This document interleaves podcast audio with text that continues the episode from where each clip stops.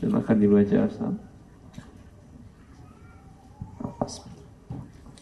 Hadiah undian atau door prize di pusat perbelanjaan atau keramaian. Beberapa tempat keramaian sering memberikan hadiah kepada pengunjung tempat dengan cara peserta diberikan nomor urut yang bercap resmi penyelenggara.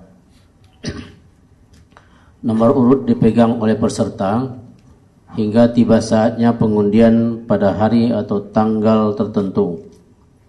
Jika nomor yang dipegangnya yang keluar, maka ia harus menunjukkan lembaran yang berada di tangannya sebagai bukti untuk menerima hadiah.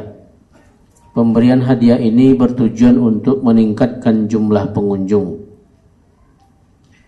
Nomor urut tersebut terkadang diberikan cuma-cuma dan terkadang dijual sebagai tiket masuk atau disyaratkan membeli produk tertentu yang dijual pusat keramaian tersebut. Kemudian bukti belanja ditukar dengan kupon undian. Hukum mengikuti undian ini dibolehkan jika kupon diberikan cuma-cuma. Hal ini termasuk hibah kepada pemenang sekaligus penyelenggara eh, sekalipun penyelenggara mendapat keuntungan non materi dalam bentuk iklan sponsor. Hal ini semata-mata hibah tidak mengandung unsur riba, horor, himar, dan tidak ada larangan syar'i. Iya. Pertama, door prize yang diberikan cuma-cuma. Ya, setiap yang hadir di tempat keramaian tersebut atau di pusat perbelanjaan tersebut mungkin dapat tanpa harus berbelanja, tanpa harus bayar tiket masuk, pokoknya tanpa ada imbalan. Gratis. Setiap yang masuk pengunjung dikasih nomor dikasih antrian dan seterusnya. Ya ini hukumnya apa? Hibah. Ya hibah yang tidak ditentukan penerimanya dengan diundinya. Kan dengan diundi nanti dikocok oleh dia nomor berapa yang keluar. Namanya keluar nomor sekian. Siapa yang megang nomor itu berarti dia berhak mendapatkan umpamanya mobil. Ya. Hukum mengundi bila tidak ada menghilangkan hak orang lain hukum asalnya boleh. Seperti sudah pernah kita bahas ini. Seperti apa? Seperti Rasulullah Sallallahu Alaihi Wasallam mengundi siapa di antara istri-istrinya yang menemani beliau dalam perjalanan safar untuk perang dan lain-lainnya. Karena kalau mereka, beliau bawa semua istrinya mungkin banyak, sembilan sekali jalan. Nah, maka yang beliau bawa cuma satu orang, siapa yang berhak? Apakah yang paling muda, atau yang paling tua, atau yang paling cantik, atau yang paling dekat dengan Rasulullah? Tentu tidak. Dengan cara diundi. Bagaimana bentuk undiannya Ustaz? Om pimpah atau bagaimana? Eh namanya undian dari masa dahulu bagaimana aja. Yang penting keluar, mungkin dicabut. Sini mamanya di, ada satu uh, kertas diisi yang ikut, yang tidak ikut, tidak ikut, tidak ikut, satu yang ikut. Siapa yang dapat empat yang ikut, baca dia ikut yang mudah. Ya, boleh dalam syariat Islam. Dan bahkan dalam Al-Quran fastahamu fakana minal mudhadin tentang kisah Nabi siapa ini Yunus di mana kapal oleng dan harus dikeluarkan dibuang satu orang untuk mengurangi berat penumpang kapal ya siapa yang mau dibuang tentu nggak ada yang mau dibuang ke laut lalu fastahamu lalu kata Allah mereka melakukan undian. Diundi terus yang nama keluar nama Nabi Yunus alaihissalam. Apa boleh buat? Dia yang dibuang ke laut. Ya, ini boleh. Dalam kasus seperti ini menentukan undian boleh. dalam kasus akad arisan umpamanya itu kan ada undian ya ini boleh siapa semuanya akan dapat tapi siapa yang dapat sekarang ya bukan berarti kalau undian yang tidak boleh menghilangkan hak orang lain umpamanya si A ngasih uang satu juta si B ngasih satu juta lalu diundi si A pilih yang mana, si B pilih yang mana dari logam yang dilempar ke atas. Ya.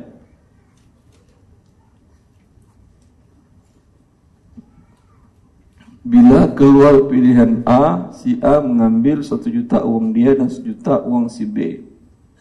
Ya, berarti uang satu juta si B diambil dari si A atas dasar apa? Hah? Atas dasar apa? Atas dasar judi.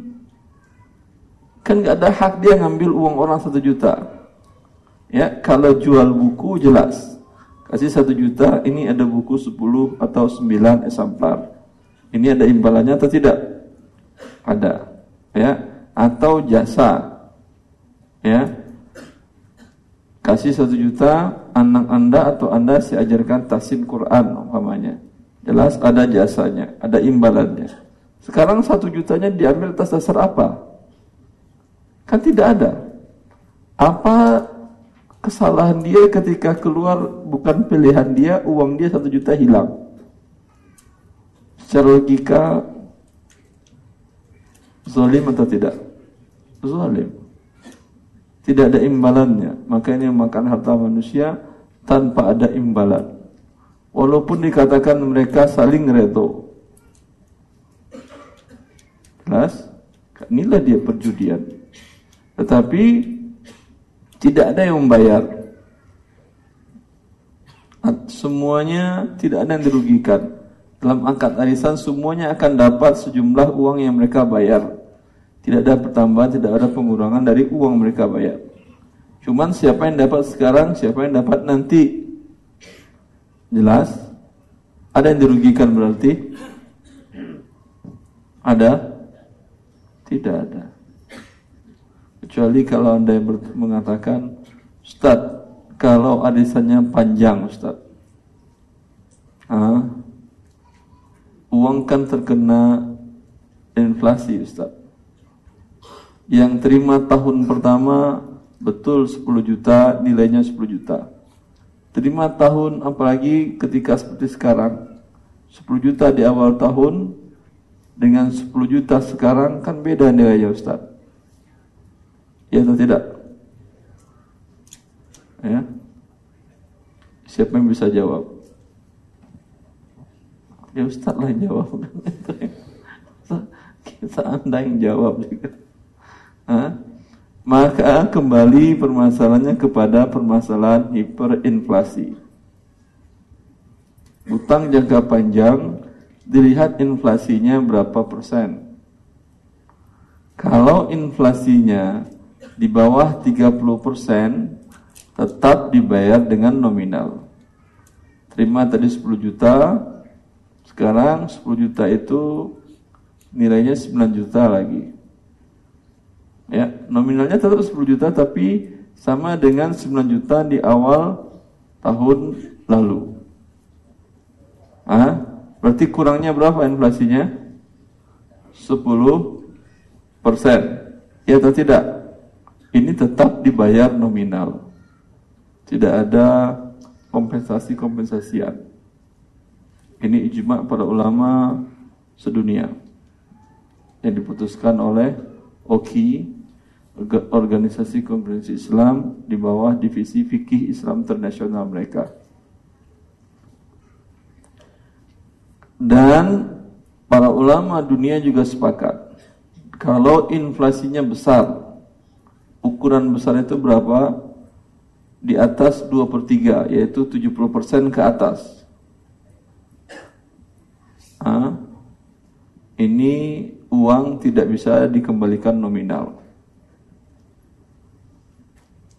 Jelas ini tidak bisa dikembalikan nominal. Harus dengan nilai.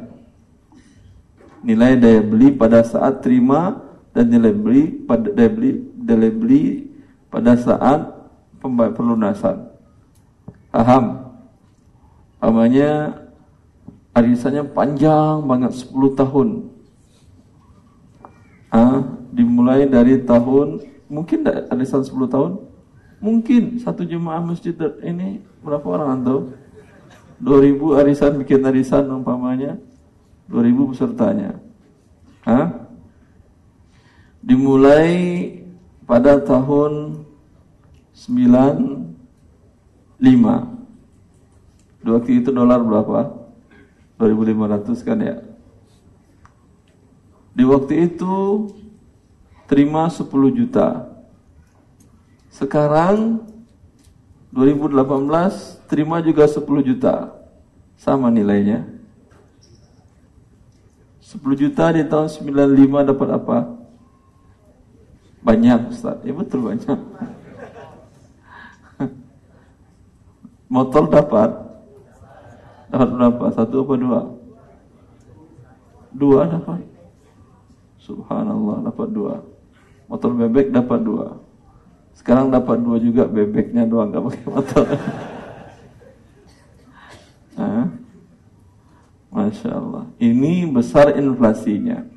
Maka dalam kondisi ini betul para peserta selanjutnya mereka nggak boleh bayar pakai rupiah lagi.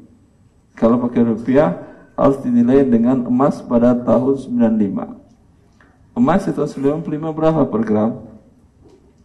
70 ribu Hah? 70 ribu kan ya sekarang 600 ribu Iya kan emasnya naik atau turun emasnya nggak pernah naik. Yang turun itu rupiah. Turun terus dia. Emas nggak pernah naik. Nilai tukar emas kepada barang dan jasa tetap walau 10 abad yang lalu.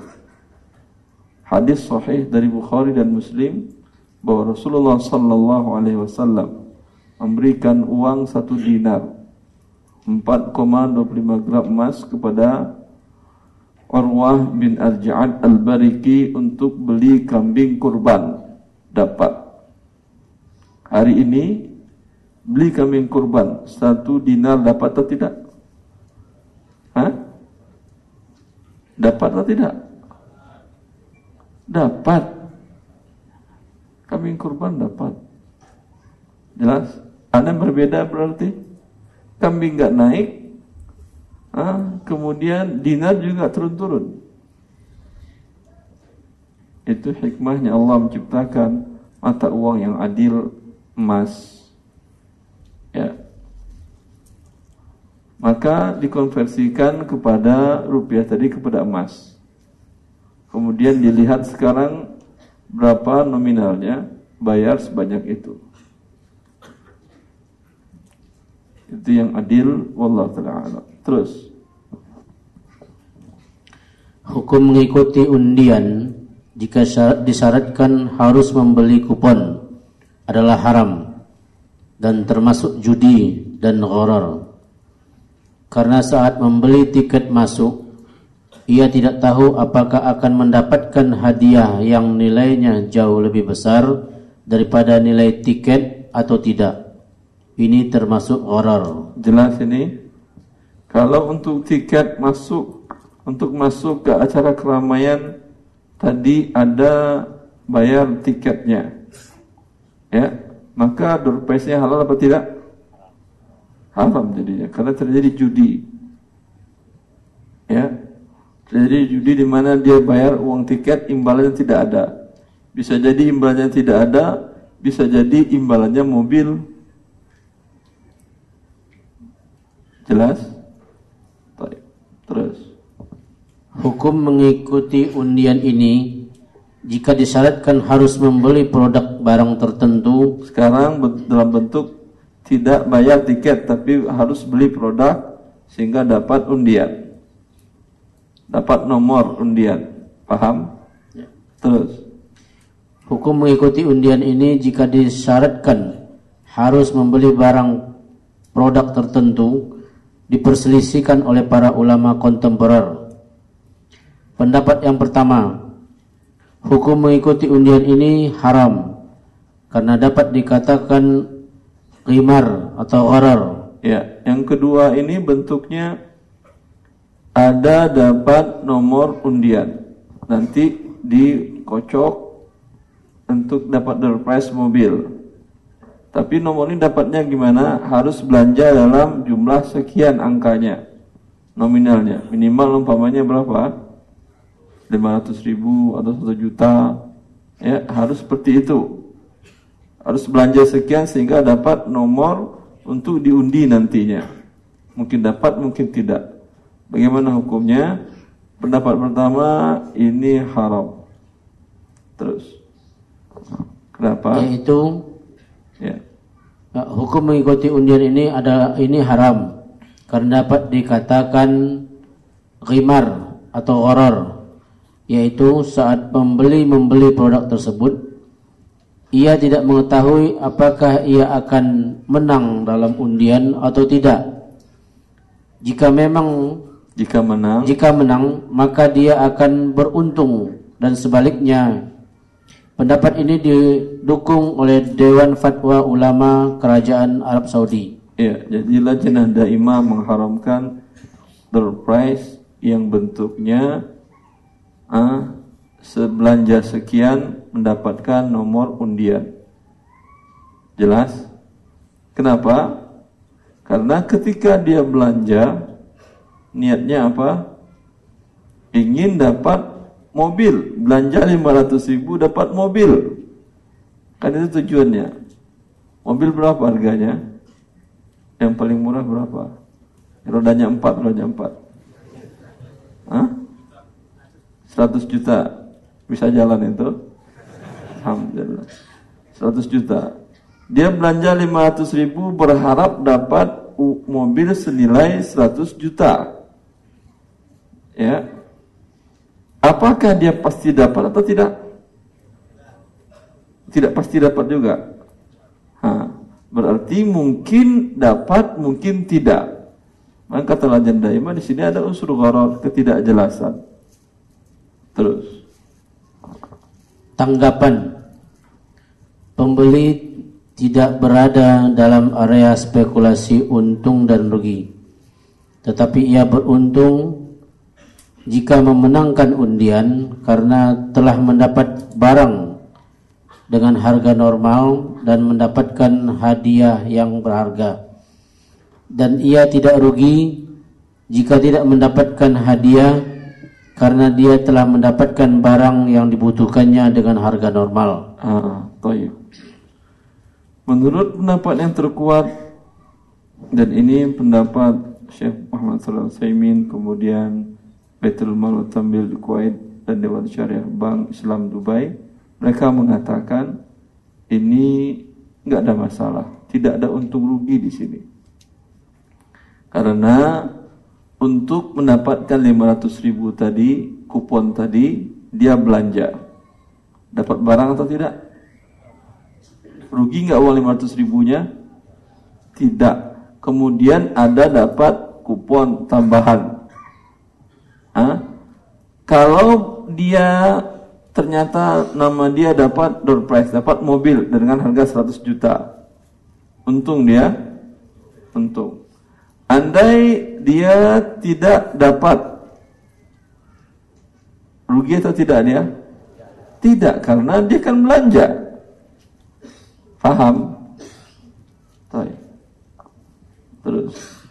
Pendapat kedua, hukum mengikuti undian ini boleh dan hadiahnya halal dengan syarat harga barang yang dijual normal tidak dinaikkan terlebih dahulu dan pembeli membeli barang sesuai dengan kebutuhannya agar tidak boros dan tidak berniat mendapatkan hadiah yang saat membeli barang.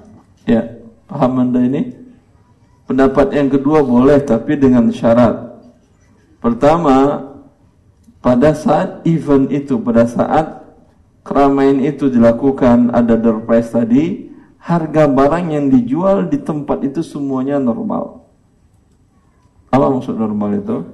Harga standar biasa. Mungkin lebih mahal dikit, ada beberapa item mungkin lebih mahal, ada beberapa item mungkin lebih murah. Biasa, masih standar. Ya. Tapi kalau jelas naiknya lebih dari 30% atau 50% atau bahkan 100%. Dan orang kenapa dia mau beli? Agar dapat kupon.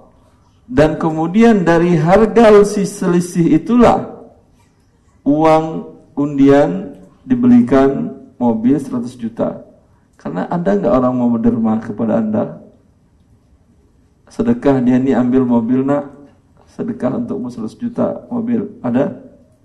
Mungkin ada, tapi ini orang kan mau dagang, bukan mau sedekah dia. Hah?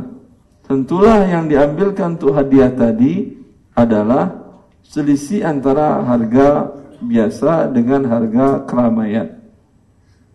Berarti ketika Anda belanja 500 ribu tadi dan dapat kupon, sudah diambil, sudah Anda bayarkan selisihnya itu untuk bayar hadiah tadi. Bisa Anda dapat, bisa Anda tidak dapat. Paham? Maka kalau ada event-event door prize tadi lihat. Lihat harga-harganya. Ya, kalau umpamanya harga pena merek tertentu seperti ini ya pada saat event biasa mungkin harganya seratusan pada saat tidak ada event di toko-toko mana umpamanya seratus ribu ada yang seratus tiga ada yang seratus lima dan 107 ada juga yang 95 97 tapi di event itu berupa seperti ini gagal 150 umpamanya. Jelas ini selisih harga untuk apa? Hadiah. Berarti ketika anda beli 500 ribu rupiah dapat kupon undian tadi hakikatnya nilai barangnya mungkin tidak 500 ribu rupiah mungkin hanya 400 ribu rupiah. Yang 100 ribu rupiah untuk beli kupon tadi. Berarti kupon berbayar atau tidak namanya ini? Berbayar. Maka jangan tertipu gratis. Ya, lihat. Masuk gratis, lihat di dalamnya. Barang-barangnya normal harga. Kalau normal, silahkan ambil nomor undian tadi dapat mobil rezeki dari Allah Azza wa Jalla. Alhamdulillah. Nah. Terus tak. Dalil pendapat ini bahwa undian ini sama dengan pemberian hadiah melalui undian dan unsur ketidakjelasan barang atau hadiah dalam akad hibah atau hadiah dibolehkan dan tidak ada unsur haram dalam muamalah ini dengan demikian hukumnya boleh karena hukum asal muamalat adalah boleh. Ya, pendapat ini didukung oleh pendapat ini didukung oleh Syekh Al Utsaimin rahimahullah rahimahullah Dewan Syariah Baitul Mal wa Tanwil Kuwait dan Dewan Syariah Bank Islam Dubai. Alhamdulillah. Selesai. Alhamdulillah. Pulang kita lagi.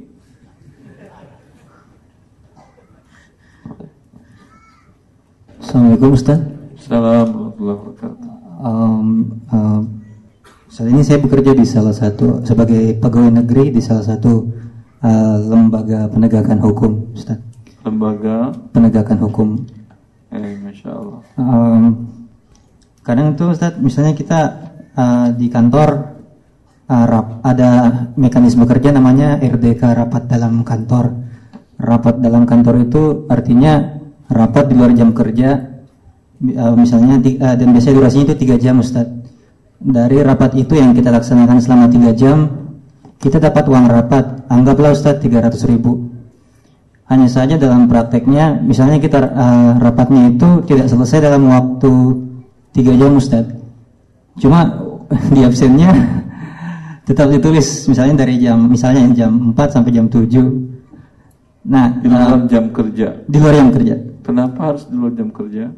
Karena terkadang uh, jam kerja itu sendiri uh, ada kesibukan yang Ustaz oh tidak bisa digabung? Iya. Terus? Dan memang itu mekanisme formal. Terus? Um, saat ini misalnya saya pernah ikut sekali Ustaz cuma uangnya itu saya masih simpan di laci karena saya tidak tahu. Karena di satu sisi saya merasa ini saya tidak memenuhi syarat tiga jam, tapi di sisi lain uh, saya sudah mengeluarkan waktu di luar jam kerja untuk uh, mengikuti rapat ini. Anda ikut dua jam. Uh, kurang lebih dua jam, Ustaz. Dia 303 jam. Uh, dua jam dari yang seharusnya tiga jam dengan misalnya uang rapat uang hasil rapatnya itu 300 ribu. 300 ribu tiga jam kan ya? Iya. Berarti 200 halal untuk Anda, yang 100 berikan kepada fakir miskin. 100 ribu untuk fakir miskin ya? Iya. Oh. Terus uh, ini Ustaz, kadang misalnya sebagai lembaga penegakan hukum, kami datang misalnya ke ada kalanya kami datang misalnya ke lembaga ribawi seperti bank. Iya. Di situ kami lakukan pemeriksaan, kadang seharian. Ketika kami datang, kadang kan normal disuguhkan misalnya kami baru datang disuguhkan misalnya kopi, teh dan kue kecil. Terus siangnya kami kadang di, diberikan atau diajak makan siang. Nah itu makanan-makanan seperti itu. Ustaz apakah tidak bisa kami terima atau bagaimana Ustaz? Dikaitkan mungkin dikaitkan dengan pertama itu ya. sebentar. Ya. aturan dari KPK membolehkan makan siang diberikan oleh klien? Kalau untuk yang makan siang Ustaz sebenarnya memang kami tolak. Ah. cuma yang masih syubhat bagi saya pribadi misalnya ketika kami datang disuguhkan misalnya mungkin sebagai bagian dari ramah tamah kopi teh kue kecil. Nah itu yang uh, masih abu-abu di kami Ustaz misalnya. Karena ada yang bilang boleh ada yang bilang nggak boleh. Adapun makan siang dan ajakan kendaraan itu memang kami strict nggak makan Ustaz. Baik. yang kecil ini kalau bank ini syariah mungkin boleh. Tapi kalau bank ini riba tentu yang diberikan kepada anda dari hasil riba tentunya. Ya Ustaz. Iya. Oh, berarti tidak tidak tidak kalau bang syariah mungkin bisa boleh kami makan Ustaz ya? Iya, insyaallah. Oke. Okay. Ah, jazakallah khairan. Yang ringan ya, yang makan siang tetap tidak. Ya, Ustaz? Yang ringan, yang air, oh, iya. Ya. Assalamualaikum. Assalamualaikum Pertanyaan melalui kertas. Assalamualaikum. Assalamualaikum Bagaimana hukumnya jika kita mengikuti family gathering atau piknik yang disengat, yang diharuskan untuk membayar iuran, kemudian diundi untuk mendapatkan door prize? Family gathering untuk ikutnya ada iuran. Ada Ustadz, iuran untuk bayar iuran diharuskan untuk bayar iuran. Untuk bayar iuran. Tapi juga ada door prize Ya. Apakah door prize ini dari sponsor atau dari uang iuran? Dijelaskan. Kalau dia dari uang iuran tidak boleh. Kalau dari sponsor boleh. Wallahu taala alam. Ya, silakan lagi yang Iwan. Assalamualaikum warahmatullahi wabarakatuh. Uh, Assalamualaikum uh, mau nanya, jadi kan kalau misalnya uh, orang, misalnya kasusnya orang tua ini punya hutang, kan kalau orang tuanya meninggal itu pindah ke keturunannya. Kata siapa? Dia gak punya eh, harta. Oh, iya misalnya pas sudah bagi harta waris, harta waris tidak boleh dibagi sebelum utang, utang dibayarkan. Iya, Baik utang kepada Allah maupun utang kepada manusia. Iya, kalau misalnya ternyata hartanya ini nggak cukup untuk bayar utang. Kalau tidak cukup ditanggung oleh ahli waris berdasarkan porsi warisan. Wa 'alal warithi mislu Dan ahli waris menanggung seperti itu juga. Tentu bagi anak laki-laki menanggung utang setengah maaf, dua bagian, bagi anak perempuan menanggung utang satu bagian. Sebenarnya yang mau ditanyain kalau misalnya anaknya ini mau bayarin utang orang tuanya, Apa? tapi anaknya mau bayarin utang orang tuanya, tapi anaknya ini juga lagi berusaha ngelunasin utang orang tuanya, tahu-tahu anaknya meninggal, terus nanti hukumannya sama nggak kayak uh, badannya juga panas kayak orang yang ninggalin utang? Gak paham saya. Eh gimana ya? Oh? Hukumnya badan panas bukan ke saya tanyanya ke dokter ibu. Bukan, bukan. Kan kalau kan waktu itu ada cerita yang Rasul uh, nggak mau sholat salam, nggak mau sholatin sahabat yang masih ada utangnya, enggan enggan sholatin sahabat yang ada, masih ada utangnya sampai ada yang menjamin gitu Ustadz. Terus uh, ditanyain terus sudah dibayar atau belum, udah dibayar atau belum, terus kan uh, setelah sudah dibayar, uh, Rasul bilang kalau hari itu badannya baru dingin gitu kan. Nah kalau misalnya itu pindah ke anaknya nih utangnya. Bukan badan dingin, apa ya? Al-ana baridat jildatuhu. Sekarang kulitnya dingin dari api neraka. Bukan badan dingin badan panas. Oh, iya, salah maaf Ustaz. Badan dingin badan panas bukan ke Ustaz bertanya. Iya. Iya, kulitnya dingin gitu kan. Nah, kalau misalnya utangnya itu pindah ke anaknya, terus anaknya meninggal, hukumnya sama kayak gitu nggak Ustaz? Anaknya tadi menanggung. Iya maka dikeluarkan dari harta anaknya tadi hutang anak itu dan hutang orang tuanya sebelum dibagi waris. Ya udah Ustaz. Allah Ya. Selanjutnya datangnya ke dokter Ibu ya. Assalamualaikum Ustaz. Assalamualaikum warahmatullahi wabarakatuh. Eh, ini pertanyaan dari salah seorang pegawai perbankan syariah yang menanyakan kepada karyawannya yang mengundurkan diri karena melihat adanya praktek syariah yang belum sesuai. Yang bertanya, yang pertama, yang menyimpang dari bank syariah itu prakteknya atau konsepnya? Konsep yang, dan praktek.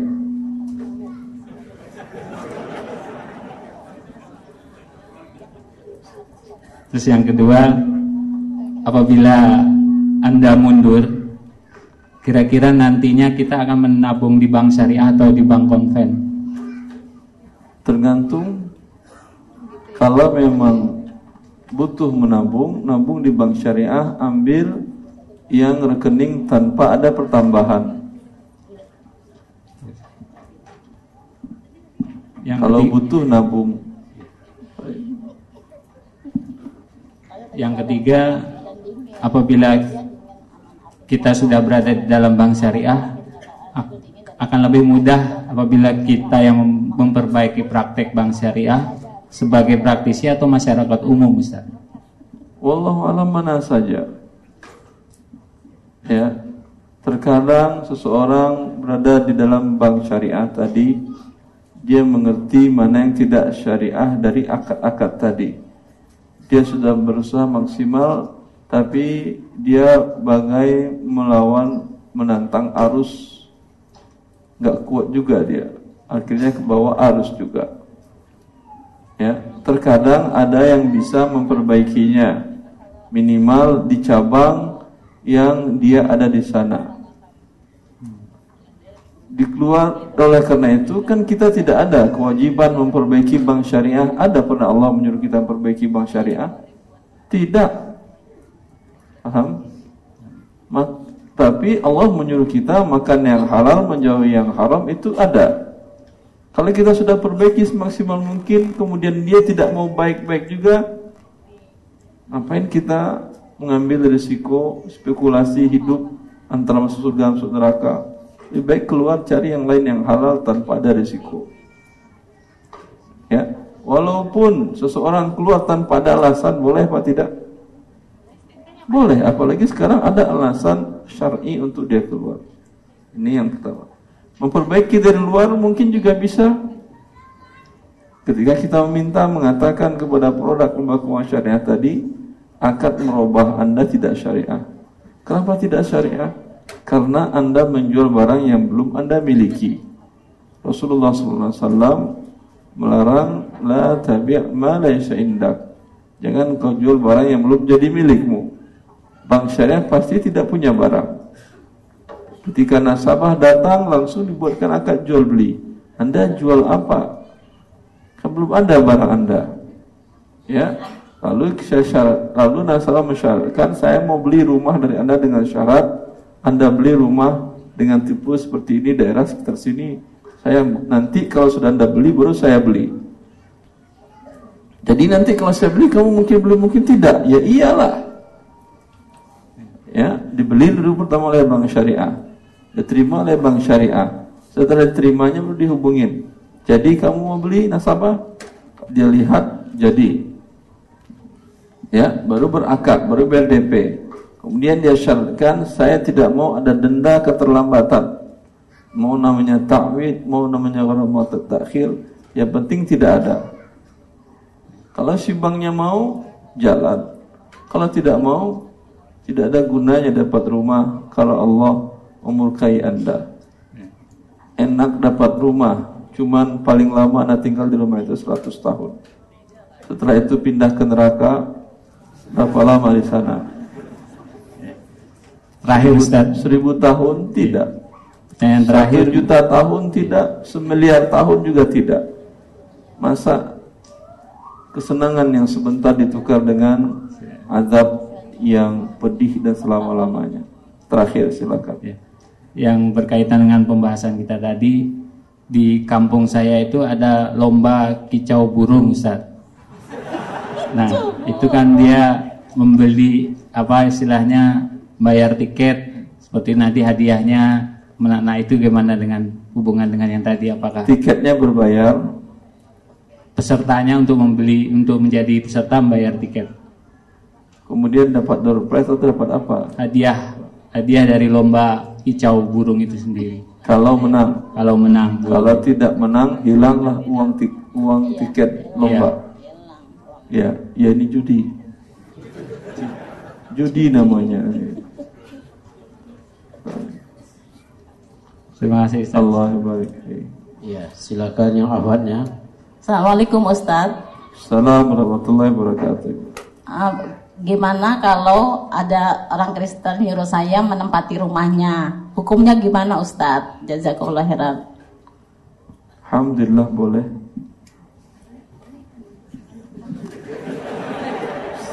Jazakallah khairan Ustadz. Allah Allah barik Ibu.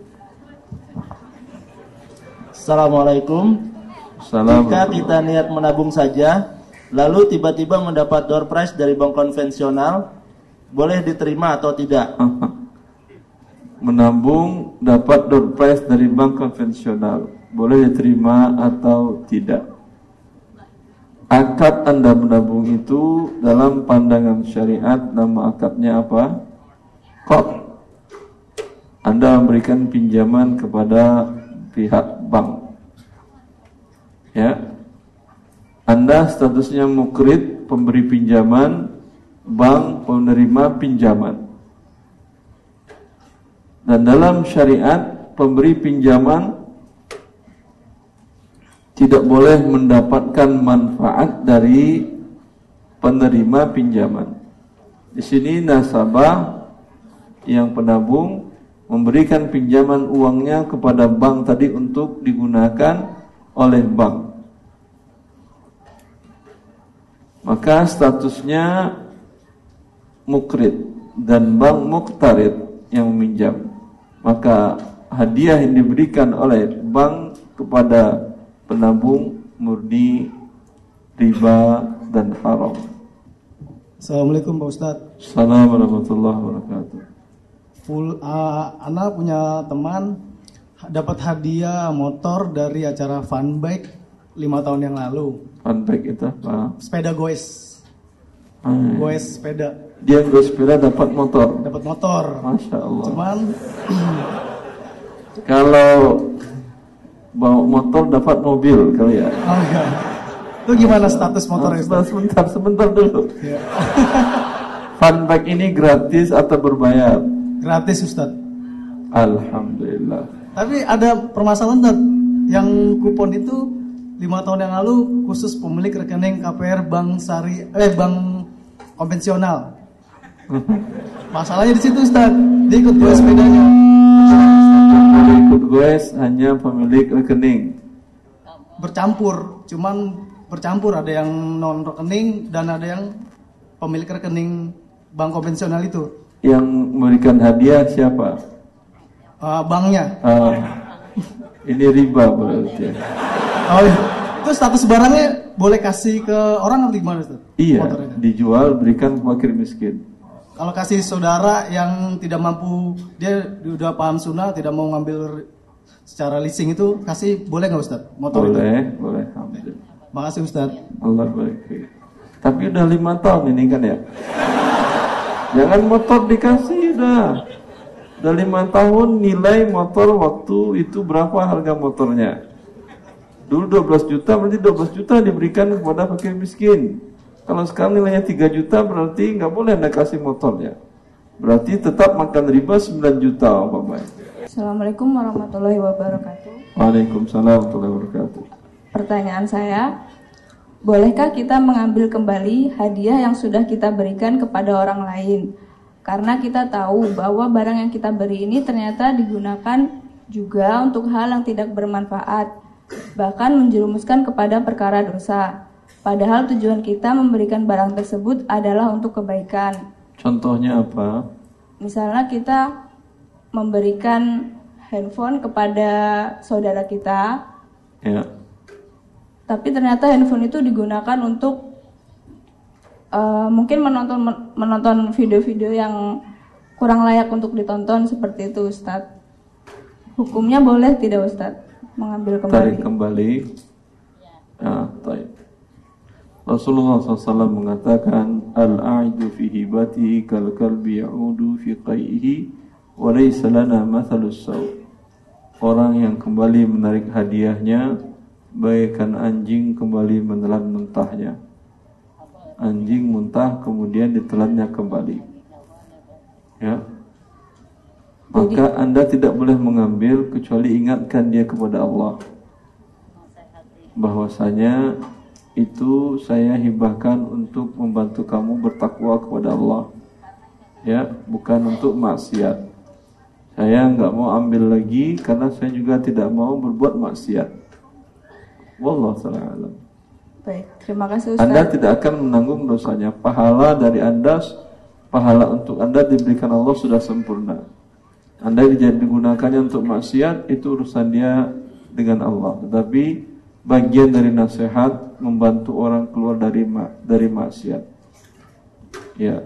Baik, jazakallahu khairan Ustaz. Allah barik fiikum. Untuk teman-teman, mohon maaf untuk pertanyaan melalui kertas di sini sudah terlalu banyak. Jadi eh, mohon kesabarannya mungkin bisa di kajian mendatang untuk disampaikan. Simpan untuk bulan depan. Iya. Pertanyaan berikutnya Ustaz. Apakah orang yang berinfak telah mendapatkan keutamaan berinfak walaupun infaknya masih dijadikan saldo oleh pihak masjid atau lembaga dan belum disalurkan? Karena saldo-saldo infak terbilang cukup besar di sebagian masjid atau lembaga amil zakat infak sodako. Orang berinfak, zakat, infak sodako maksudnya? Pertanyaannya dia zakat atau dia infak?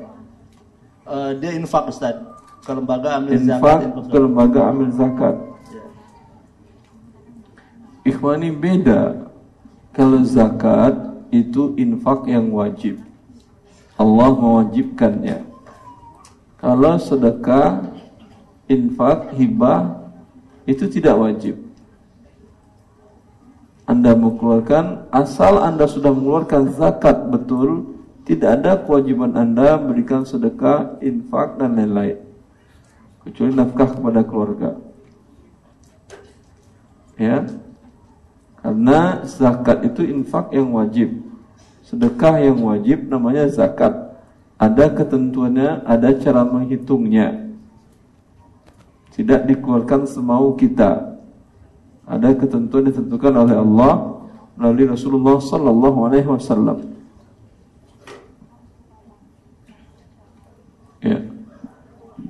Andai umpamanya dalam menyerahkan sedekah yang sunnah. Sama dalam kasus hibah Ibu yang bertanya tadi Dia hibahkan untuk Membantu penerima tadi Bertakwa kepada Allah Taat kepada Allah dengan hibahnya. Ternyata digunakan untuk maksiat oleh dia. Apa dia terkena dosanya? Dia tidak terkena dosanya. Pahala dari Allah untuk dia dapat dosanya menanggung adalah orang yang menggunakannya yang tidak sesuai dengan tujuannya tadi. Ya, maka bila umpamanya Anda memberikan menyerahkan uang kepada suatu lembaga yayasan tapi kemudian uang Anda belum disalurkan oleh dia. Hah? Pahala untuk, untuk Anda sudah dituliskan oleh Allah Azza wa Jalla. Jangan khawatir. Tinggal sekarang orang ini, lembaga ini yang dapat dosa kalau mereka tidak amanah atau tidak menyalurkannya secepat mungkin. Rasulullah Shallallahu Alaihi Wasallam jarak antara sholat fardu dengan selesai sholat fardu. Beliau takut ketika sebelum waktu sholat fardu masuk, beliau menerima emas zakat. Ingin beliau serahkan waktu itu juga kepada mustahiknya. Tapi waktu sholat masuk, beliau pergi sholat dahulu, sholat fardu. Setelah sholat fardu, biasanya Rasulullah Sallallahu Alaihi Wasallam selalu berzikir setelah habis sholat. Mungkin makan waktu 3 sampai 5 menit.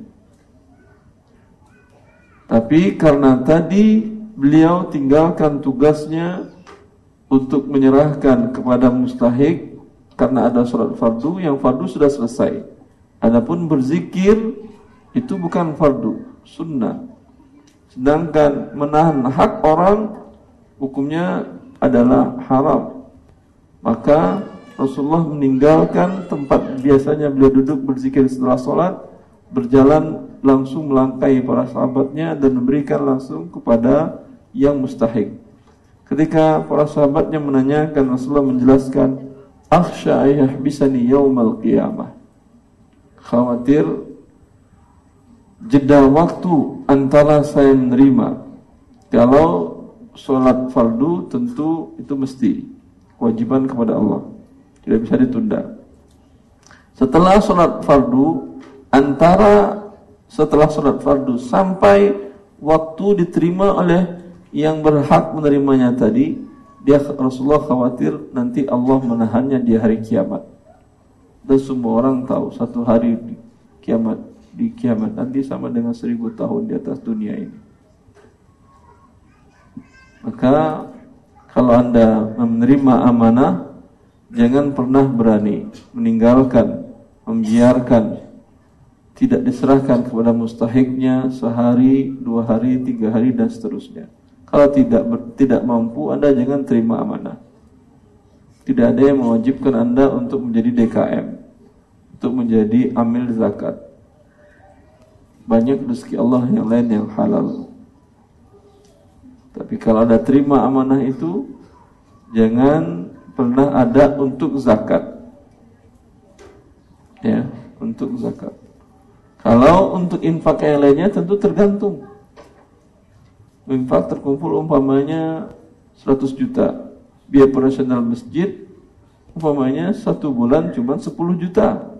Gak mungkin juga sekali terima langsung diserahkan 100 juta ke siapa. Kecuali tadi yang zakat ada mustahiknya. Allah taala alam. Yang Ahmad silakan. Bismillah.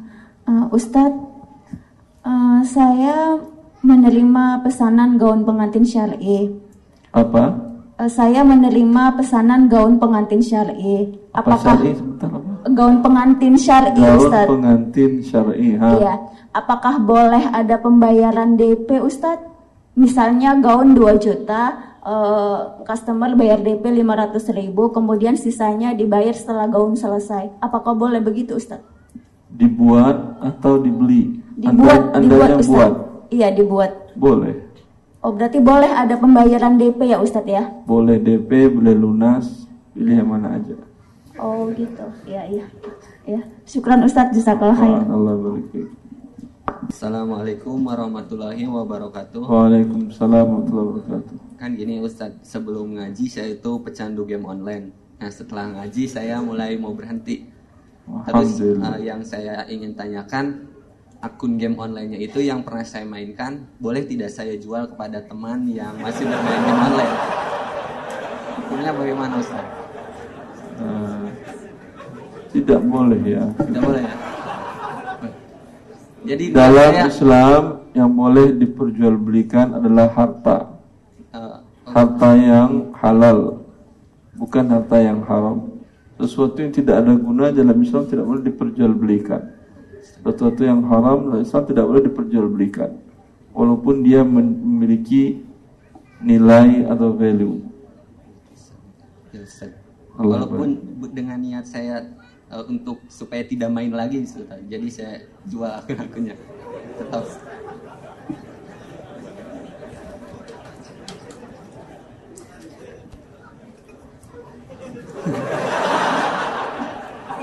tidak boleh ya. Walaupun niatnya supaya tidak main lagi. Iya. cukup. Allah, Allah, Allah semoga Allah berikan keistiqomahan kepada kita semuanya dalam mengarungi hidup ini. Kita tidak tahu mungkin hari ini istiqomah mungkin besok mungkin saat-saat kematian kita tidak ada yang bisa mengetahuinya.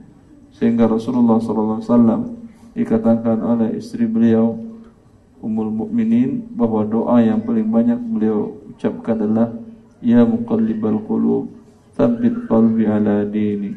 Wahai yang membolak-balikkan hati manusia teguhkan tetapkan hati kami di dalam agamamu yang mulia. Lain? Saya mantan musisi person, uh, musisi profesional sekarang saya sudah hijrah, tetapi saya masih ada uang royalti yang terus berjalan. Apakah boleh tetap saya terima hak royalti saya Ustaz? Bagaimana kalau uang yang sudah saya pakai? Uang yang sudah Anda terima tadi, royalti tadi, berikan ke fakir miskin kalau Anda bisa hidup dengan usaha yang halal pada hari ini. Kalau tidak, bagi Anda pun halal tetapi tidak semuanya sebesar kebutuhan pokok Anda. Begitu juga dengan sisa uang-uang yang sebelumnya didapatkan dari bekerja yang haram tadi. Silakan Ahmad. Oke, Assalamualaikum warahmatullahi wabarakatuh. Waalaikumsalam warahmatullahi wabarakatuh. Uh, Ustadz saya mau tanya tentang BPJS Kesehatan. Ya. Saya kan uh, punya BPJS Kesehatan yang mandiri. Setelah saya baca di buku Ustadz yang BPJS Kesehatan yang mandiri, uh, itu hukumnya tidak boleh karena mengandung riba. Nah, pas saya mau tutup ke kantor BPJS-nya, ternyata tidak bisa karena itu harus uh, mengajukan surat kematian. Nah, Sedangkan kalau tidak dibayarkan itu jatuhnya uh, sebagai tundakan uh, tung, tunggakan gitu Pak Ustadz. Uh, jadi uh, gimana ya solusinya Ustadz? Kalau sudah terlanjur ikut teruskan. Karena kalau tidak terjadi ribanya. Karena 2019 semua warga negara Indonesia diwajibkan untuk mengikuti ini. Oh, baik, jazakallahu ya, Ustaz. Jadi maka hukumnya menjadi darurat. Karena kita tidak bisa lagi hidup di negara ini tanpa mengikuti menjadi peserta BPJS tadi. Di mana pelayanan publik hak kita tidak akan dipenuhi oleh pihak negara. Bismillah. Semoga Allah memberkahi umur Ustaz dan kaum muslimin. Izin Ustaz, izin bertanya Ustaz. Ya. Ini eh, permasalahan seseorang. Misal ada perusahaan di bidang bahan bangunan dia memiliki tanah untuk dijadikan perumahan. Lalu dia mengangkat manajernya si A misalkan uh, untuk uh, melakukan estimasi pembiayaan plus uh, buat pembuatan proposal untuk peminjaman dari bank. bank Dan bank apa ini? Bank konvensional. Uh. Dan si A ini tidak mengerti apa-apa, dia mengangkat si B untuk melakukan membantunya dalam estimasi dan uh, pembuatan proposal agar dana, dananya cair. Uh, bagaimana hukum si B kalau misalnya hukum pekerjaan si B kalau misalnya haram, bagaimana cara istrinya mendakwahinya cara dan apa? cara istri mendakwahinya dan uh, bagaimana hasil uh, gaji yang dikasih ke istrinya si B tadi nggak tahu bahwa itu untuk mengajukan proposal kredit riba. Si B tahu. Oh tahu. Kalau tahu haram dia membantu ya. Haram dia bekerja di sana. Untuk si istrinya? Tentu nasihati suami untuk tidak melakukan perbuatan haram. Karena tidak dapat gaji pun suaminya sudah berdosa. Ya, dapat gaji, gajinya pun tidak halal. Apa gunanya dia bekerja di sana? Syukur Ustaz. Allah barik. Jazakallah khair. Allah salim Adapun istri tadi kalau dia sudah nasihati suaminya dengan maksimal, tetap suaminya melakukan hal tersebut dan dia bawa gaji untuk anak-anaknya dan istrinya adalah hasil dari membantu pembuatan proposal kredit ribawi tadi. Kalau kondisi si istri ini memiliki harta yang lain yang halal, mungkin dari pekerjaan dia yang halal atau hibah dari orang tua atau kerabatnya, dan bisa dengan uang itu dia hidup, haram dia terima gaji uang nafkah suaminya. Tapi kalau tidak bisa dia hidup, ya apa boleh buat bagi dia tidak haram. Setelah menasihati terus suaminya. Foto. Bismillah Ustadz, e, mau tanya misalnya saya dan teman-teman makan bersama, kemudian apa saya bersama? makan, Hmm, kemudian saya membayarkan totalnya terlebih dahulu, lalu teman-teman bayar ke Bayarin saya. apa? Bayar bayar makan Ah. totalnya dulu, kemudian teman-teman bayar ke Atas saya. dasar apa? Hadiah atau pinjaman atau apa? Pinjaman. Ah, terus E, kemudian e, Anda karena talangin dulu, Anda bilang saya talangin Iya, dulu iya. ya, gitu. Iya, ah. Terus karena harga makanan di restoran kan biasanya nggak bulat Ustadz. Misalnya eh, harganya itu orangnya 50.463. Nah, mereka membayar ke saya dengan pembulatan jadi 50.500. Sisanya itu apakah riba? sisanya berapa rupiah? 37 rupiah. Ada pecahannya itu? Nggak ada Ustadz. Kalau tidak ada nggak apa-apa ibu. Tidak riba Kalau- namanya. Sesuatu yang hina, ya tidak dinilai harta. Kalau jatuh pecahan 100 rupiah dari kantong anda, sedang berjalan sudah berlalu 10 meter, dipanggil oleh oleh satpam, Pak, Pak, uangnya jatuh Pak 100 rupiah. Anda mundur atau tidak? Mundur atau tidak? Enggak kan malu-malu ini aja gara-gara sesuatu yang mundur. Berarti ini tidak ada nilainya. Tidak ada nilainya boleh. Tidak perlu Anda panggil kepada dia, diam-diam aja ambil loh 100 rupiah tadi. Tapi kalau 100-nya dolar, iya. Panggil orangnya. Tapi kalau dia ma kalau dia ya ambil aja 100 kok 100 dolar Pak. Iya dong dolar mau rupiah mau dolar ambil aja. Ya udah alhamdulillah. Rezeki. Jelas boleh nggak ada masalah. Iya tapi kalau misalnya ada pecahannya nggak boleh ya Ustadz. Jadi riba ya. Nilai yang tidak ada seperti yang saya katakan, yang harta itu adalah sesuatu memiliki nilai. Memiliki nilai tersebut cenderung hati kepada sesuatu tadi. Jatuh 100 rupiah, ah, nggak ada orang yang cenderung. Yang punyanya, yang mau ngambilnya pun nggak mau juga. Ya, itu tidak bisa dikatakan harta. Wallahu a'lam. Jazakallahu khairan fiik. Apalagi cuma 37 rupiah. Mantap. Pertanyaan berikutnya. Saya sebagai pekerja di sebuah production house yang membuat atau menerima pembuatan video syuting iklan untuk ditayangkan di TV.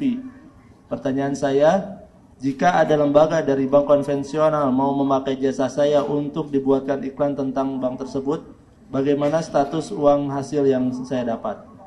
Uang yang Anda dapatkan haram dan bekerjanya pun haram. Assalamualaikum warahmatullahi wabarakatuh. Assalamualaikum warahmatullahi wabarakatuh. Anak ingin tanyakan mengenai MLM, Ustaz. M, MLM. ya. Nah, Anak tertarik dengan suatu produk MLM. Anda tertarik dengan Iya. produk MLM? Satu produk MLM. Kemudian Ya. di aturannya di MLM ini, kalau saya juga memasarkan satu produknya, saya dapat eh, jasa penjualannya aja. Tapi kalau untuk yang berikut-berikutnya, dua, dua produk, tiga produk berikutnya itu ditambahkan bonus. Yang ingin saya tanyakan, kalau saya tidak mengambil bonusnya, hanya mendapatkan, saya hanya mengambil jasa produk penjualannya jasa, eh, apa itu boleh Ustaz? Anda ke pemilik produk beli atau tidak beli? Anak beli, karena memang itu Ya beli ya terserah Anda. anak beli, kemudian jika Ana menjualkan produk yang lain untuk ke orang lain dan kemudian terjual, Ana dapat apa jasa penjualannya. Kok jasa penjualan? Anda beli ke dia? Iya. Hah? Anda jual ke orang? Ya, dapat uang atau dapat jasa? Bukan, ini ada dua, ada dua Ah. hal. Yang satu saya Ana beli barangnya, kemudian selain itu Ana juga memasarkan produknya mere- mereka itu ke orang lain gitu. Nggak jual? Hanya memasarkan aja. Eh, downline saya maksudnya, ya. downline ya. Iya, ke dia nggak jual Anda. Ya, membantu men- menjualkan gitu maksudnya. Subhanallah. Anda ke downline ini menjual atau orang downline ini beli langsung? Memasarkan menjual, saya Ana menjual, tapi downline ini beli langsung ke yang MLM ini juga. Ah, ketika dia belanja dia bilang melalui si fulan Pak, Anda dapat fee. Ya, dapat. Nggak ada masalah. Nggak ada masalah. Nggak ada masalah. Kalau yang produk apa produk berikut berikutnya itu kan ada bonusnya, Nah, itu bonusnya, nah itu boleh diambil atau tidak? Gitu. Kalau menurut pengertian saya, Bonusnya boleh diambil. Cuman masalahnya MLM itu kenapa diharamkan oleh para ulama dunia? Ya. Karena masalahnya adalah produk-produk MLM itu umumnya bisa dikatakan hampir seluruhnya ya bandingkanlah dengan produk yang dijual tanpa marketing MLM dengan marketing biasa. Mana yang lebih murah? Yang biasa. Lalu kenapa orang mau beli dengan harga mahal tadi? Pertanyaannya seperti itu kan ya. Ini mahal, produknya sama-sama pena. Yang ini marketing biasa harganya 100 ribu. Ya, marketing yang di sini harganya lebih.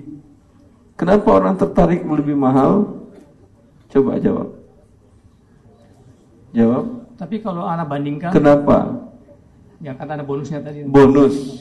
Berarti tujuan dia beli dengan harga mahal bukan karena barang yang diinginkan dia. Yang diinginkannya bonus. Berarti beli uang tujuan menyerahkan uang tujuannya dapat uang yang besar. Masalah barangnya bagus tidak bagus itu mereka gelap mata semua nasabahnya. Ini yang menyebabkan dia menjadi riba. Karena tujuan hakikatnya bukan barang yang diperjualbelikan tetapi adalah uang yang dibayar mendapatkan uang yang besar. Dan apakah semuanya dapat bonus besar tadi? Pasti tidak. Kalau semuanya dapat sehari langsung tutup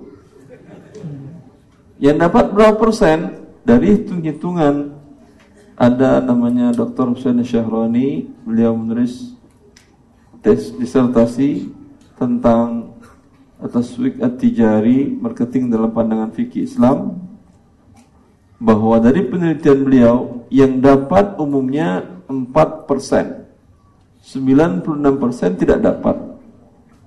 Kesempatan dapat cuma 4% bonus tadi kalau saja kesempatan dapat 50% antara dapat dan tidak ini apa namanya tadi judi iya atau tidak mungkin dapat, mungkin tidak kesempatan 50%. Apa yang namanya? Judi. Ini mungkin dapat cuman hanya 4%, 96% tidak dapat. Apa namanya ini? Judi dan pembodohan. Iya atau tidak? Kalau 50-50 orang masih berpikir kemungkinan saya untuk dapat masih tinggi. Ini kemungkinan dapat cuma 4%. Pembodohan atau tidak namanya? Pembodohan ya akhi. Lalu mereka berkoar-koar dengan ini mengembalikan ekonomi di Indonesia syariah. Syariah bagaimana dengan cara pembodohan dan riba riba ini? Jelas tentu. Jelas. Syukur, Allah. Karena kalaulah barang yang dijual di MLM itu barang yang memiliki kualitas bisa bersaing di pasar bebas, ngapain dia buat jaringan yang eksklusif? Jual seperti biasa, yang dibeli ya Allah yang dibeli orang kan kualitas bukan jaringan. Wallahu taala Ahwat silakan. Uh, Bismillah Ustadz, uh, Ana mau tanya, bagaimana cara yang sesuai syariah untuk mendakwahkan orang tua mengenai masalah riba agar mereka bisa keluar dari lembaga ribawi tersebut?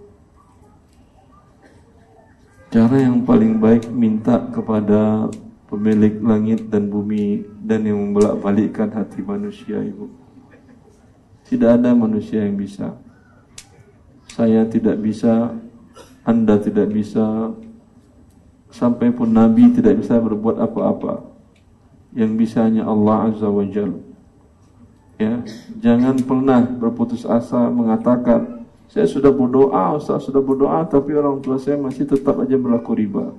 Suami saya masih saja menjadi pelaku riba, Ustaz. Minta pada waktu-waktu yang mustajab. Uh, Dan tapi, yakinlah Allah akan mengabulkan doa anda. Ya, Wa anta muqinum bil ijabah kata Rasulullah SAW. Minta kepada Allah dan anda yakin bahwa Allah pasti mengabulkannya. Allah pasti akan mengabulkannya.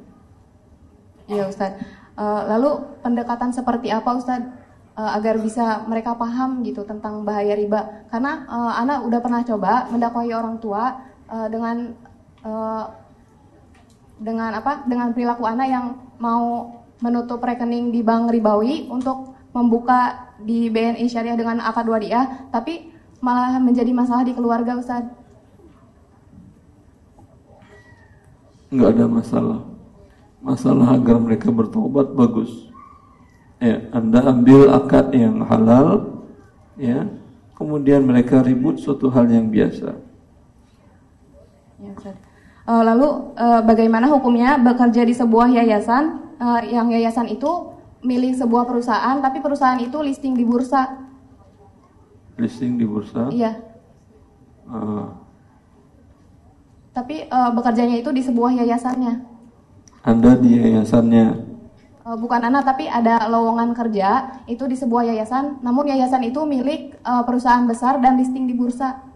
Yayasannya bergerak di bidang yang baik atau tidak? Uh, kegiatannya itu, eh, produk-produknya itu di di bagian otomotif, jasa keuangan, alat berat, infrastruktur, lain retail dan lain-lain.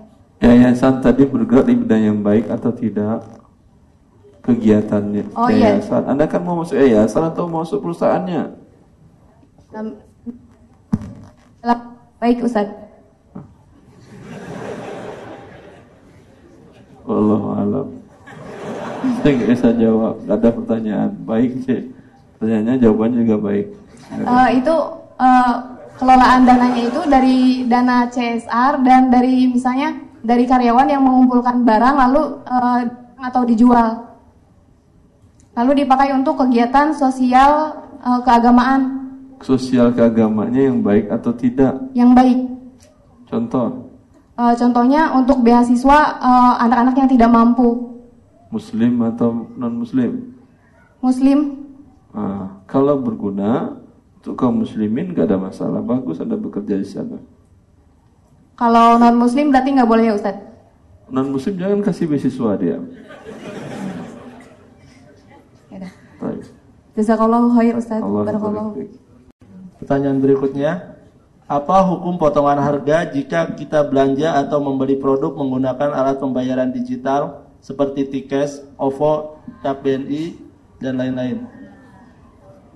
Apa? Tikes, OVO, apa lagi? Tap BNI. Apa? Tap, Tap BNI, Tap BNI. Tap BRI. BNI. BNI.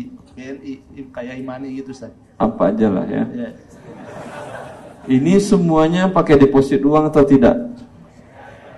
Pakai deposit uang. Kemudian yang beri potongan si merchant atau si pihak yang uang Anda di sana.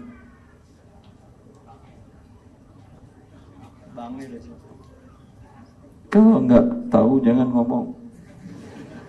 Kalau tiket saya tahu, yang lain saya nggak tahu. Kalau tiket itu yang membayar bukan si merchant pihak Telkomselnya yang membayar kembali setelah ditagikan oleh merchant. Umpamanya Anda belanja menggunakan tiket di uh, pasar matahari ya dan diberikannya potongan nanti matahari menagihkan ke pihak Telkomsel pihak Telkomsel yang bayar Kalau merchant, kalau murni dari merchant tidak ada masalah. Tapi umumnya tidak. Ya. Maka dengan demikian berarti hakikatnya siapa yang memberikan potongan? Hah? Penerbit kartu imani tadi. Ya atau tidak? Kenapa dia berikan potongan kepada Anda? Karena Anda deposit uang di mereka. Iya atau tidak? Ini apa artinya? Karena Anda pinjamkan dia uang, diberikan oleh dia Anda manfaat dalam bentuk harga lebih murah. Ya, ini namanya riba murni. Wallahu a'lam. Paham? Skema ribanya paham?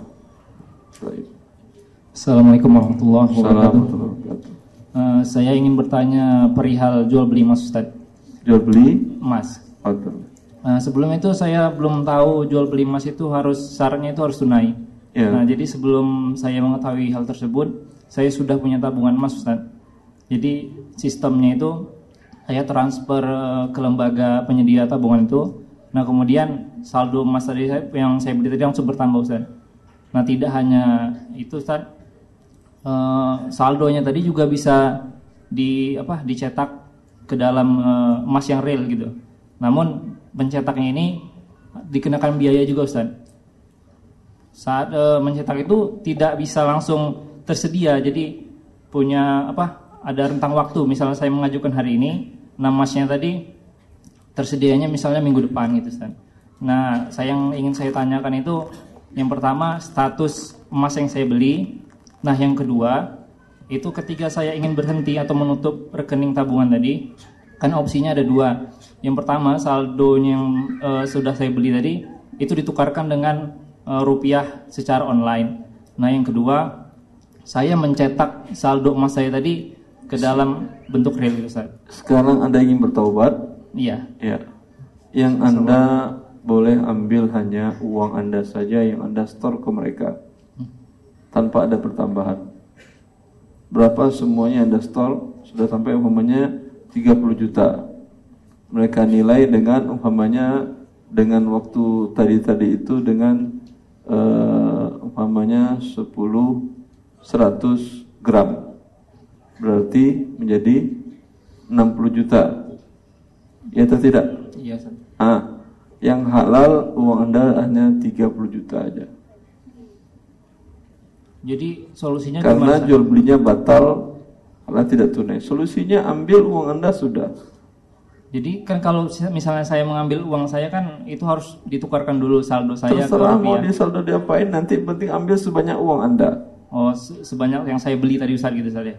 Sebenarnya yang anda serahkan bukan beli karena belinya batal tidak sah. Iya Ustaz. Jelas. Kan masih ingat kan berapa uang yang pernah anda store ke dia untuk beli emas tadi? Iya ada in pembelian. Ada ada laporannya. Ya. Hitung semuanya berapa? Ya, kemudian cairkan emas tadi atau bagaimana caranya? Dapat uang pasti berlebih, ya. Yang halal hanya sebesar yang anda storekan tadi. Tapi Ustaz karena sisanya berikan kepada fakir miskin. Kondisinya misalnya waktu beli saya misalnya harganya 600 nih Nah, begitu saya sekarang tukarkan kan, nah itu harga tukarnya itu lebih rendah Ustaz. Jawabannya seperti yang tadi. Berapa inflasi boleh dikembalikan kepada nilai uang? Berapa persen? 2 per 3 atau 70 persen atau 66 persen. Ya, Anda hitunglah. Apakah Anda sudah nabung terjadi inflasi sudah lebih 66%? Belum Ustaz. Kalau belum, berapa perkiraan? Di bawah 30%? Di bawah. Di bawah. Kalau di bawah 30%, kesepakatan ulama dunia yang diambil adalah pokoknya tanpa ada pertambahan. Berapa nominalnya sebesar itu? Eh, syukron Ustaz. Allah Ahwat silakan. Assalamualaikum Ustaz. Assalamualaikum saya punya catering dan sekarang saya menawarkan paket kepada customer. Nah, untuk paket bulanannya itu 20 hari harganya lebih murah per harinya dibandingkan mereka mengambil paket harian. Nah, apakah itu termasuk semacam GoPay kalau misalnya deposit selama sebulan dikasih tanda kutip harga yang lebih murah, Ustadz? Tidak, beda ini, nggak ada hubungannya sama GoPay. Anda bertanya, Anda kalau bayar sekali untuk 30 hari lebih murah daripada bayar tiap hari kan ya? Ya betul Ustaz. Boleh akad seperti ini. Oke, jazakumullah khairan. Ya Allah baik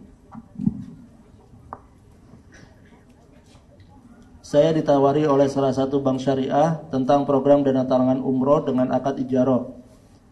Dapat dana talangan, talangan umroh dengan akad ijaroh. Iya. Dapat dana talangan 25 juta Total yang saya cicil 35 juta. Bolehkah demikian? Yang diserahkan kepada Anda nasabah apa? Tiket umroh atau rupiah? Tidak jelaskan Ustaz.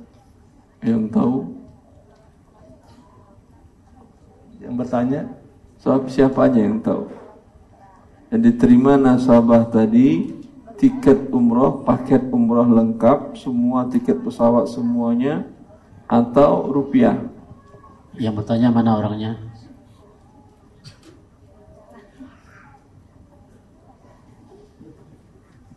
Siapa aja yang bisa bantu menjawab? Udah pulang deh. Kalau tidak saya jawab secara umum. Kalau yang diterima oleh nasabah adalah paket, ya datang anda ke bank syariah X, anda mengatakan saya mau umroh, ya Baik. Mau VIP, hotel di mana? Hotel di mana Mekah Madinah, pesawatnya direct atau langsung atau tidak? Ya, mau di bisnis kelas atau kelas biasa? Pakat. Ya udah, kata pihak bank, kami jual kepada Anda paket umroh ini seharga 40 juta. Ya, bukan ijarah, dia jual. Nanti anda bayarlah cicil selama satu tahun, ya tentu berlebih. Tadi 40 juta, bayar cicil jadi 55 umpamanya. Untung si pihak bank 15 juta. Ini boleh. Tapi kalau yang diberikan kepada nasabah adalah ini Anda carilah Pak Umroh yang Anda inginkan. Berapa PIV 40 juta. Ya, ini 40 juta urus sendiri nanti bayar setiap bulan sekian selama sekian tahun nominal seluruhnya 55 juta kalau ini namanya riba karena uang ditukar dengan uang uang 40 juta ditukar dengan 55 juta tidak tunai dan tidak sama nominalnya hukumnya ijma para ulama adalah riba maka tinggal anda lihat sama juga anda membeli rumah di bank syariah kalau diberikan oleh bank adalah rumah serah terima kepada anda, kemudian anda mencicil dan tidak ada denda keterlambatan, hukumnya halal. Tapi bank mana yang seperti ini? Hah? Wallahu alam. Silakan yang awal. Bismillah. Ustadz, saya bekerja sebagai seorang auditor uh, ru ruang lingkup kerja saya itu memeriksa seluruh uh, transaksi keuangan perusahaan, uh, termasuk di dalamnya adalah transaksi perbankan. Dan otomatis saya akan memeriksa uh, kebenaran transaksi banknya, apakah uh, bunganya dicatat secara benar atau tidak gitu. Jadi kalau misalnya salah atau belum dicatat, akhirnya saya uh, menunjukkan uh, apa untuk dibetulkan uh, pencatatannya itu bagaimana Ustadz? Yang riba tidak boleh Anda sama sekali berhubungan dengan itu. Dia catat benar tak benar ya lebih bagus lah sehingga kewajiban bunganya lebih kecil. Ya, karena riba bagaimanapun juga itu hukumnya haram. Tidak boleh dibayarkan. Kalau dibayarkannya atau Anda teliti agar benar pembayarannya, maka Anda malah berdosa. Jadi sebaiknya gimana Ustaz? Jangan sentuh area riba tadi. Oh, tentunya nggak bisa. Ya Allah barik. Oke, terima kasih Ustaz. Allah barik. Ya, Ikhwan silakan.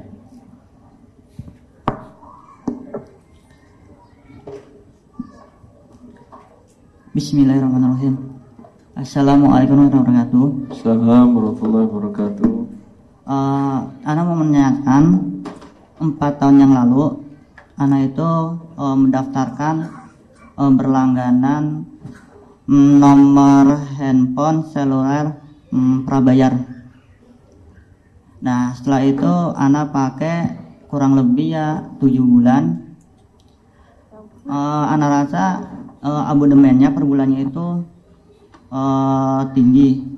Dan terus waktu itu anak nggak uh, begitu tahu tentang muamalah hukum-hukum muamalah gitu. Jadi anak memutuskan untuk uh, memakai di bulan terakhir ketujuh itu bulan tujuh itu itu uh, sampai habis kuotanya kuota langsung uh, kuota telepon SMS internet segala macamnya namun anak nggak uh, membayar tagihannya gitu anak biarkan sampai ke blokir dan sekarang anak lupa nomor handphonenya gitu itu bagaimana solusinya Ustaz? Uh, tapi jumlah uangnya ingat? Uh, insya Allah masih ingat. Ya, sedekahin ke fakir miskin. Oh, kalau sana itu sudah niat sedekah ya. atas nama yang pihak perusahaan yang dizolimi. ya, uh, kalau saya anak itu uh, sedekahnya itu nyicil misal uh, satu bulan 100 satu bulan 100 bagaimana Ustaz? Ingatkan kepada ahli waris. Oh iya. Kalau saya meninggal saya ada hutang ya. Oke, okay, iya. Ah, Jazakallah khair Ustaz. Assalamualaikum warahmatullahi wabarakatuh. Salam wabarakatuh. Pertanyaan berikutnya, apa hukumnya bila saya menjual mobil seharga 150 juta ke teman dengan perjanjian akan dibeli kembali dengan cara cicilan seharga 160 juta? Ulangi. Bila apa hukumnya bila saya menjual mobil seharga 150 juta ke teman? Bentar, dia jual 150 juta ke teman. Ke teman berarti dia dapat uang 150, mobil berpindah ke teman. Ya. Terus dengan perjanjian akan dibeli kembali dengan cara cicilan seharga 160 juta. Janji untuk dibeli kembali dengan cicilan 160 juta. Ini dalam akad yang sama atau nanti-nanti? Satu paket akad atau nanti-nanti belinya? Dengan perjanjian. Perjanjian itu mungkin dipenuhi, mungkin tidak, boleh atau tidak? Mana yang bertanya? Ini bisa memungkinkan halal, mungkin haram. Makanya perlu penjelasan. Kalau tidak saya jawab umum saja. Kalau perjanjian yang kedua tidak mengikat, ya hanya satu saja dijual 150 juta. Ya berpindah barang kepada si pembeli uang diterima penjual. Dengan suatu saat penjual mungkin punya uang 160 dan dia cicil mungkin tidak nggak ada masalah. Kalau seperti itu boleh. Tapi kalau dibuat satu akad digabung nih mobil saya berjual 150 dapat si penjualnya 150 juta pembeli dapat mobil. Kemudian kata si penjual sekarang saya beli kembali dengan tidak tunai. Hah? DP 10 juta ini 10 juta. Berarti dengan harga 160 dicicil. Berarti dia mendapatkan uang 150 dibayar 160 mobil kembali kepada tangan pertama. Ini membodoh-bodohi Allah. Fudail bin Iyad mengatakan lau annahum atauha ala babiha lakana ahwanu alai kalau mereka terus terang berbuat riba ini kan artinya pinjamkan saya 150 saya bayar nyicil 160 kan riba. Kalau mereka terus terang berbuat riba, di sisi Allah mungkin lebih kecil daripada membodohi-bodohi Allah seperti anak kecil. Yukhadi'un Allah kama yukhadi'un as-subyan. Mereka membodoh-bodohi Allah, menipu Allah dengan seperti cara menipu anak kecil. Kalau mereka terus terang berbuat riba, mungkin dosanya lebih kecil. Ini dosanya lebih parah daripada dosa terus terang berbuat riba kalau dia menjadi satu paket yang dibuatkan. Wallahu taala Ahwat silakan. Bismillah, Ustadz, eh, bagaimana hukumnya jual beli perhiasan eh, berlian yang berupa perhiasan secara online? Misal harga emasnya itu eh, 20%, terus permata berliannya itu 80%. Gimana Emas 20%, Terus harga berliannya 80%. online Online? boleh. Karena emas berarti sini pengikut. Oh, Baik. Ustaz. Allah yang barik. Maaf, beliannya kecil, emasnya besar atau bagaimana? Eh, kebanyakan emasnya itu harganya lebih rendah daripada harga berlian. Oh ya udah, nggak masalah.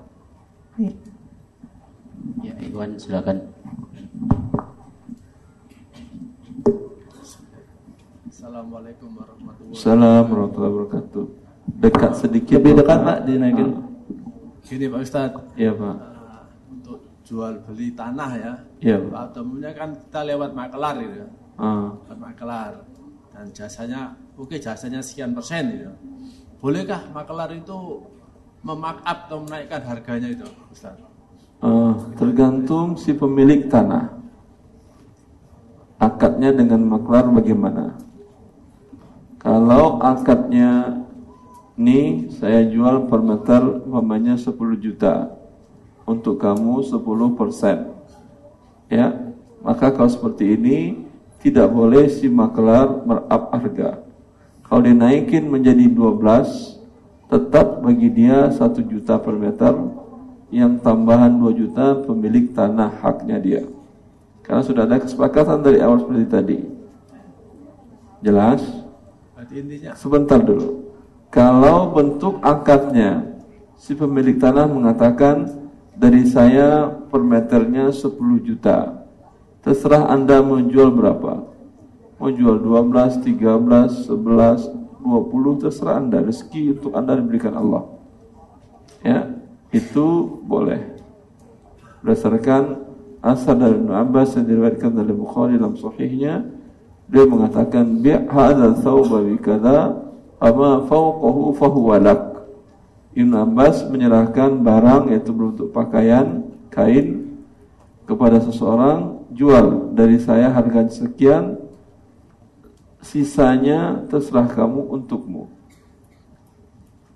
Berarti akadnya itu yang penting. Yang penting akadnya. Jelas. Oke, terima kasih Pak Ustaz. Assalamualaikum. Assalamualaikum warahmatullahi Saya bekerja sebagai driver Gojek dan saya sering mendapatkan orderan barang dari merchant online shop. Tapi ongkos kirim dari pihak merchant tersebut sudah dipotong tidak sesuai dengan ongkos kirim yang dibayarkan oleh customer.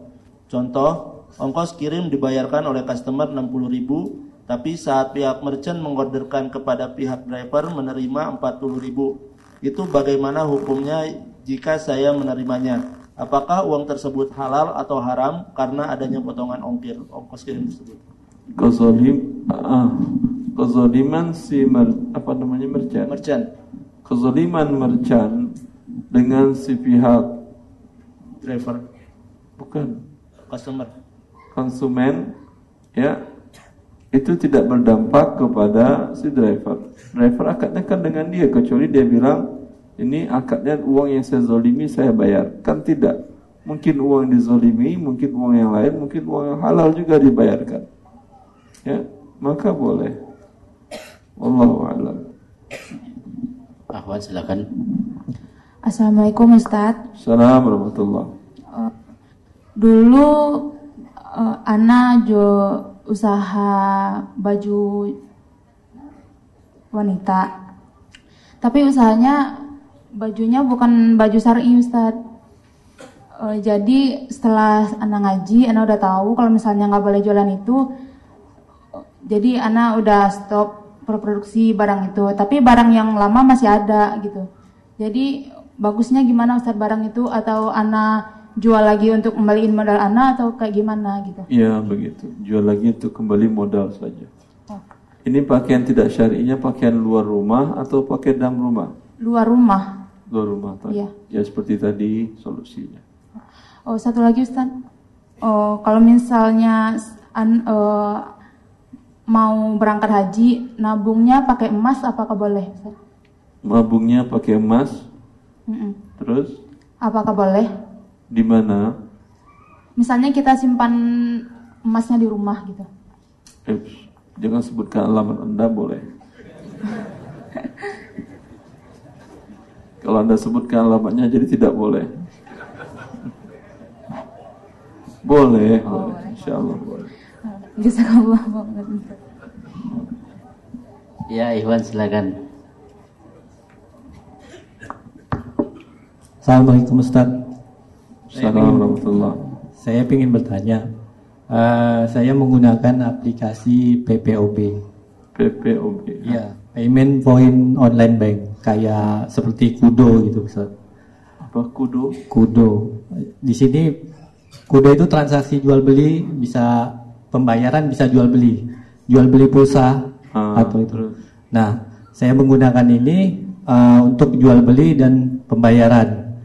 Eh, sebelum melakukan transaksi, kita harus deposit dulu ke eh, server atau vendor yang mengeluarkan eh, aplikasi ini, Ustaz. Ya. store uang dulu.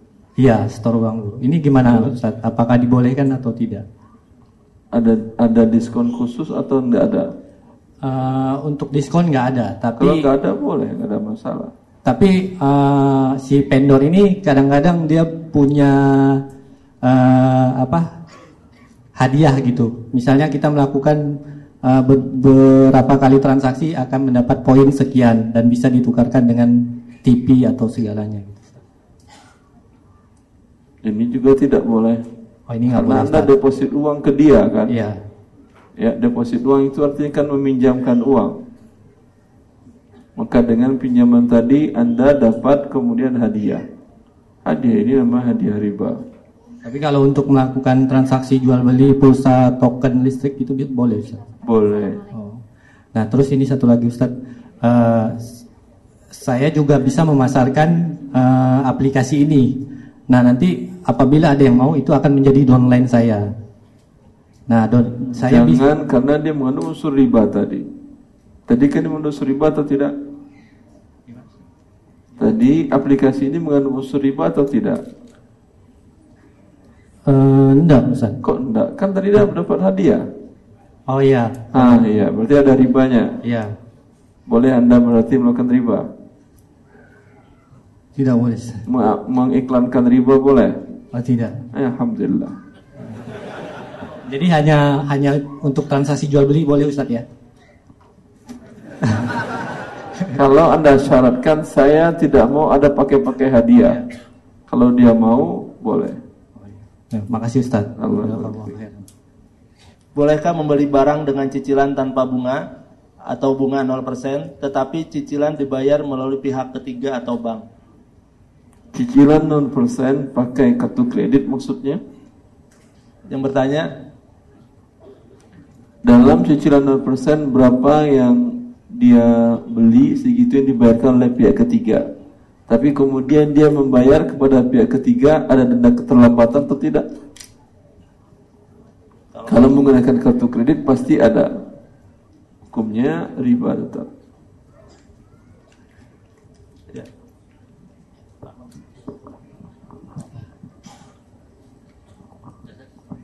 Cukup. Eh, Alhamdulillah, semoga ini bermanfaat dan semoga Allah terus menambahkan kepada kita pemahaman akan dinnya sehingga dengan demikian kita selamat dari hal-hal yang diharamkan oleh Allah di dunia ini yang keselamatan di dunia ini akan membawa kita kepada keselamatan di akhirat. Semoga bermanfaat. Wallahu li taufiq. Wa sallallahu ala nabiyyina Muhammadin wa alihi wasallam. Assalamualaikum warahmatullahi wabarakatuh.